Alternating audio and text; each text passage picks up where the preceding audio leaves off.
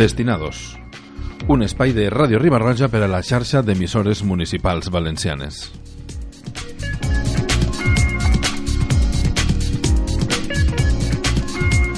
Avui en Destinados, Bilbao.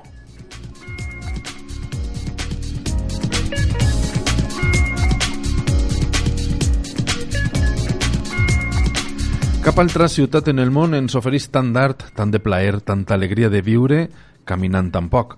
En un radi d'un quilòmetre al voltant del Guggenheim hi ha una concentració aclaparadora de bons restaurants, hotels de disseny i obres artístiques.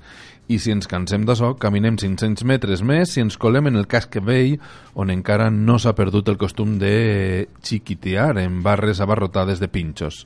O agafem la taula i ens n'anem a surfejar a la platja La Salvaje, amb metro.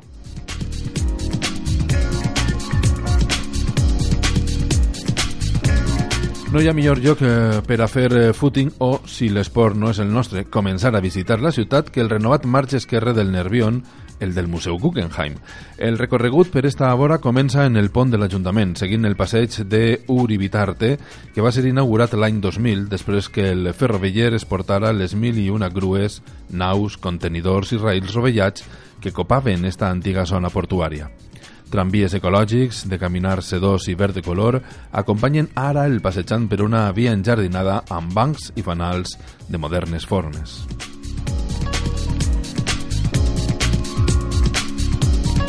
Un altre pont, el de la Salve, vestit de roig en 2007 per l'artista francès Daniel Viren, procedeix eh, al Museu Guggenheim. 60 tones de titani disposades en panells de mig mil·límetre de grossor que resplendixen a la vora de la ria com la pell escatosa d'un peix.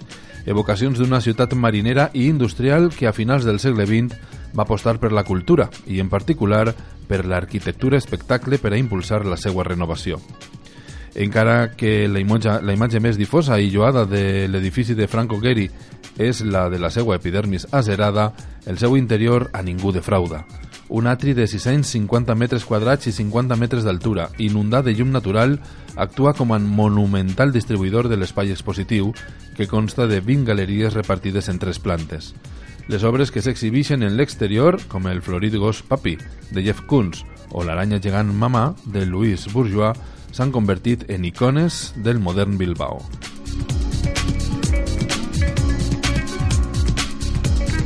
Continuem ria baix, estem en Abandoibarra, el melic del Bilbao més contemporani. A l'arquitecte argentí César Pelli es deu el projecte de remodelació d'est espai riberenc en altre temps ocupat per ruïnes industrials i portuàries i on avui s'alcen edificis tan vistosos com el centre comercial Zubiarte de Robert Stern la Biblioteca de la Universitat de Deusto, de Rafael Moneo, o la Torre d'Iberdrola, del propi Peli, que és els eh, majors gratacels de la ciutat, 165 metres.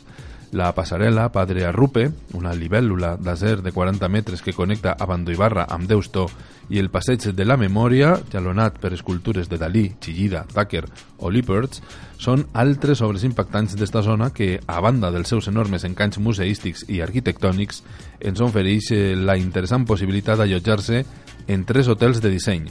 El Gran Domine, decorat per Mariscal, el Miró Hotel, creació del modista Toni Miró, i el Melià Bilbao, un volum inspirat en Chillida, obra de Ricardo Legorreta.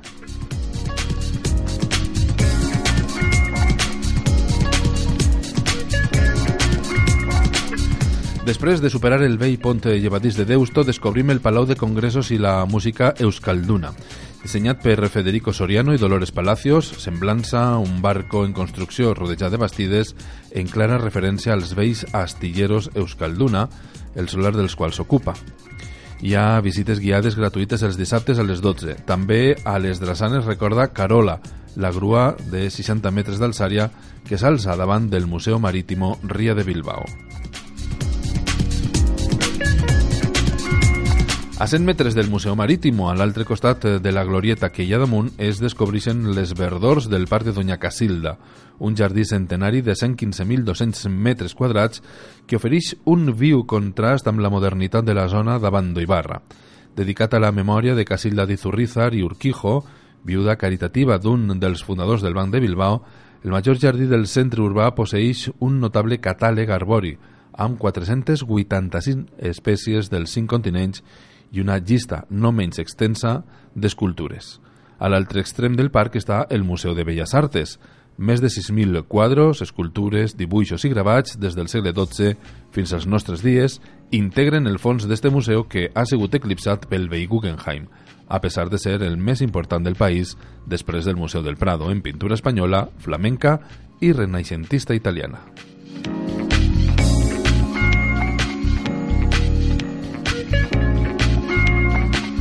Es pot dinar de luxe sense eixir del Museu de Belles Artes, cuina moderna d'autor, amb vista al parc, en el restaurant Arbolaganya, les especialitats del qual són els bolets, el foie gras i els peixos. En el proper Guggenheim, la cuina vanguardista és una obra d'art que, a més de vores, es menja en el restaurant Nerua. I en un altre edifici emblemàtic del modern Bilbao, el Palacio Euskalduna, es troba Echanove, amb propostes modernes però senzilles que permeten distingir els sabors amb nitidesa. Per a prendre el cafè canviem de zona. Agafem el tramvia en direcció a Churi i ens baixem només creuar el pont de l'Arenal en la parada de Arriaga, ja en el casc vell, o com diuen sense més així, el casco. Així mateix, en el número 1 del carrer de l'Arenal, junt al Teatre Arriaga, porta 100 anys el cafè El Tilo. Els vells frescos que el decoren, obra de Juan de Aranoa, van estar ocults fins que la riguada de 1983 es va importar la pintura plàstica que els cobria. Una altra anècdota per amenitzar el cafè. El Teatro Arriaga, la fatxada del qual està inspirada en l'Òpera de París, es va inaugurar el 31 de maig de 1890.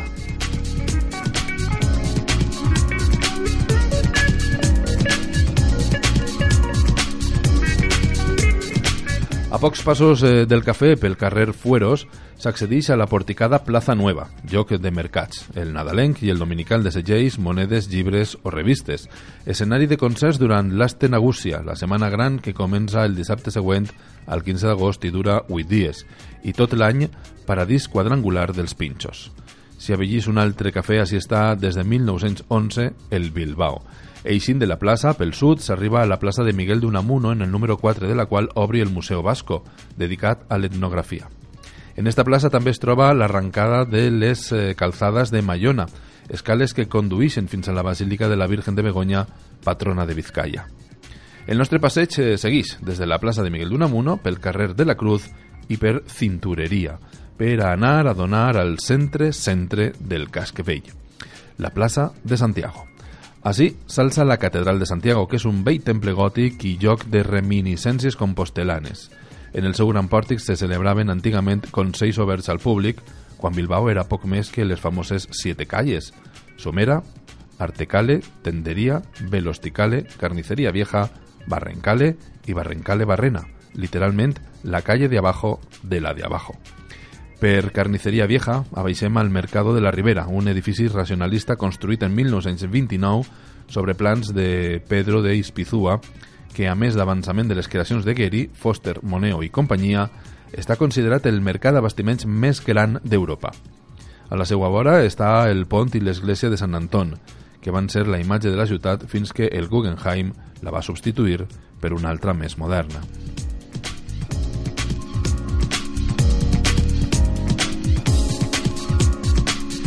Probable que tafanejant pels carrers i cantons del casc vell se'ns a l'hora de sopar, i millor que així, en cap costat, perquè hi ha 300 barres eh, per a picar. Xuquela és dels llocs més anomenats i el pinxo seu més curiós, el de cresta de pollastre. En gaig cal tastar l'abadejo i l'estic tartar, però la meca del picoteig és Víctor Montes, la barra del qual està abarrotada de fumats, ensaladilles o revolcats, és la més desitjada d'Euskadi. A esta hora sol haver concerts o altres activitats culturals en la sala Bilbo Rock, que està creuant el pont de la Merced en l'antiga església del mateix nom. En esta altra vora del vell Bilbao abunden els locals underground i d'ambient, quasi tots oberts eh, fins a altes hores.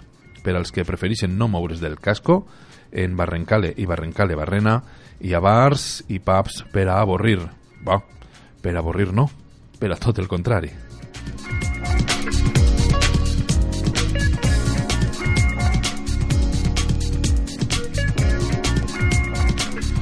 Comencem la segona jornada per la Gran Via, concebuda com a eix central de l'Eixample vuitcentista quan Bilbao va votar el marge esquerre de la Ria La Gran Via de Don Diego López de Aro es manté burgesa i senyorial, guardant un impertorbable equidistància amb el casc vell i la flamant zona d'Abando Ibarra.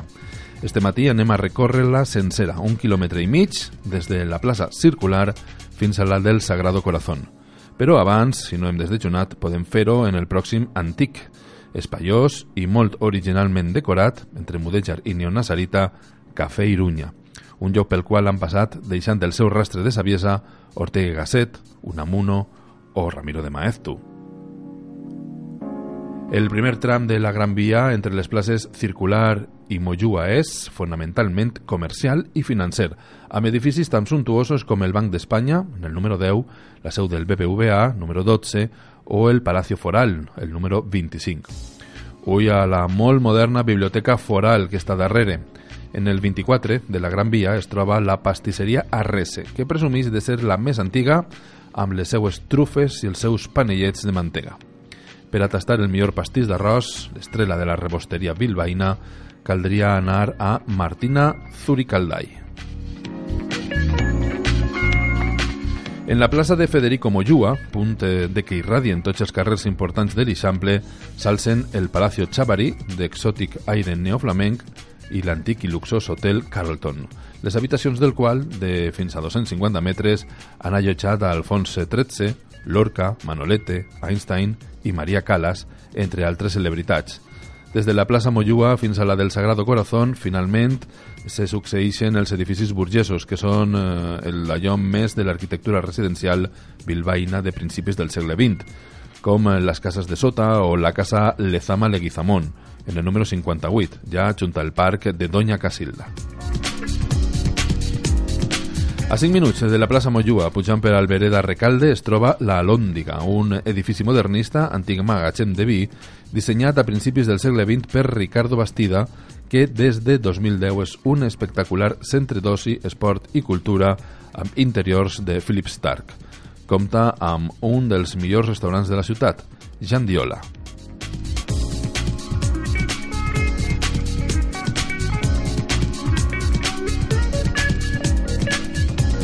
Per a dinar, mil possibilitats, des de les barres de pinxos del carrer Ledesma als restaurants més sòlids de l'Eixample, com el Zorzico o Guria, passant per altres de recent implantació com Zapirain, arribat en 2012 des de l'Ekeitio amb els seus increïbles peixos i la seva fama de 50 anys.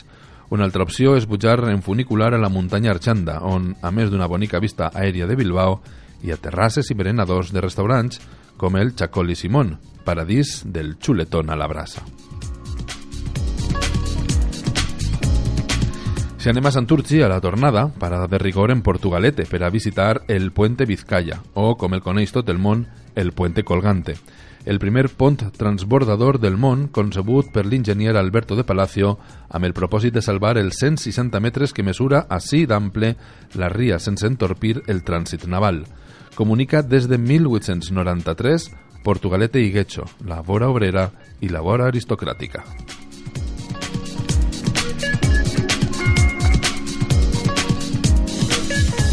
Creuant la ria pel puente Colgantes accedeix al marge dret, que està esguitat de velles cases de finals del segle XIX i principis del XX, l'època de major esplendor de Guecho. El Paseo de las Grandes Villas de Guecho és un itinerari autoguiat que recorre 20 d'estes mansions, les més curioses les que va dissenyar Manuel Maria Smith, d'estil Old English i Reina Anna. Un altre passeig avellidor és el que discorre pels penyassegats de la Galea, oferint panoràmiques i aires iodats que sorprenen per la seva proximitat a Bilbao. Es pot començar a caminar en el molí d'Aixerrota, un dels últims de vent que va funcionar en Vizcaya, avui sala d'exposicions del restaurant Cubita. De seguida es passa junt amb les ruïnes del fort de la Galea o del Príncipe de l'any 1740. I a mitja hora s'arriba al far de la Galea, un bon lloc per acabar el viatge veient com el sol s'afona i s'apaga en el Cantàbric.